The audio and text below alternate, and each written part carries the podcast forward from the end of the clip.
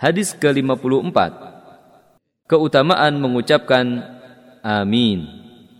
عن ابي هريره رضي الله عنه ان رسول الله صلى الله عليه وسلم قال اذا قال احدكم امين وقالت الملائكه في السماء امين فوافقت احداهما الاخرى غفر له ما تقدم من ذنبه Dari Abu Hurairah radhiyallahu anhu bahwa Rasulullah shallallahu alaihi wasallam bersabda, Jika salah satu di antara kalian mengucapkan amin dan para malaikat di langit juga mengucapkan amin dan saling bertepatan satu sama lain, maka ia akan diampuni dosanya yang telah lalu.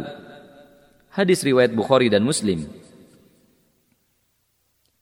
Perawi hadis, lihat hadis nomor 13. Beberapa faedah hadis ini adalah Kata amin artinya Ya Allah kabulkanlah Termasuk doa yang terkandung dalam surat Al-Fatihah Hadis ini merupakan dalil disunahkannya mengucapkan amin bagi imam, makmum, serta solat yang munfarid atau sendirian. Hadis ini merupakan dalil disunahkannya mengucapkan amin bagi imam, makmum, dan yang solat munfarid atau solat sendirian. Hadis ini juga termasuk dalil iman kepada malaikat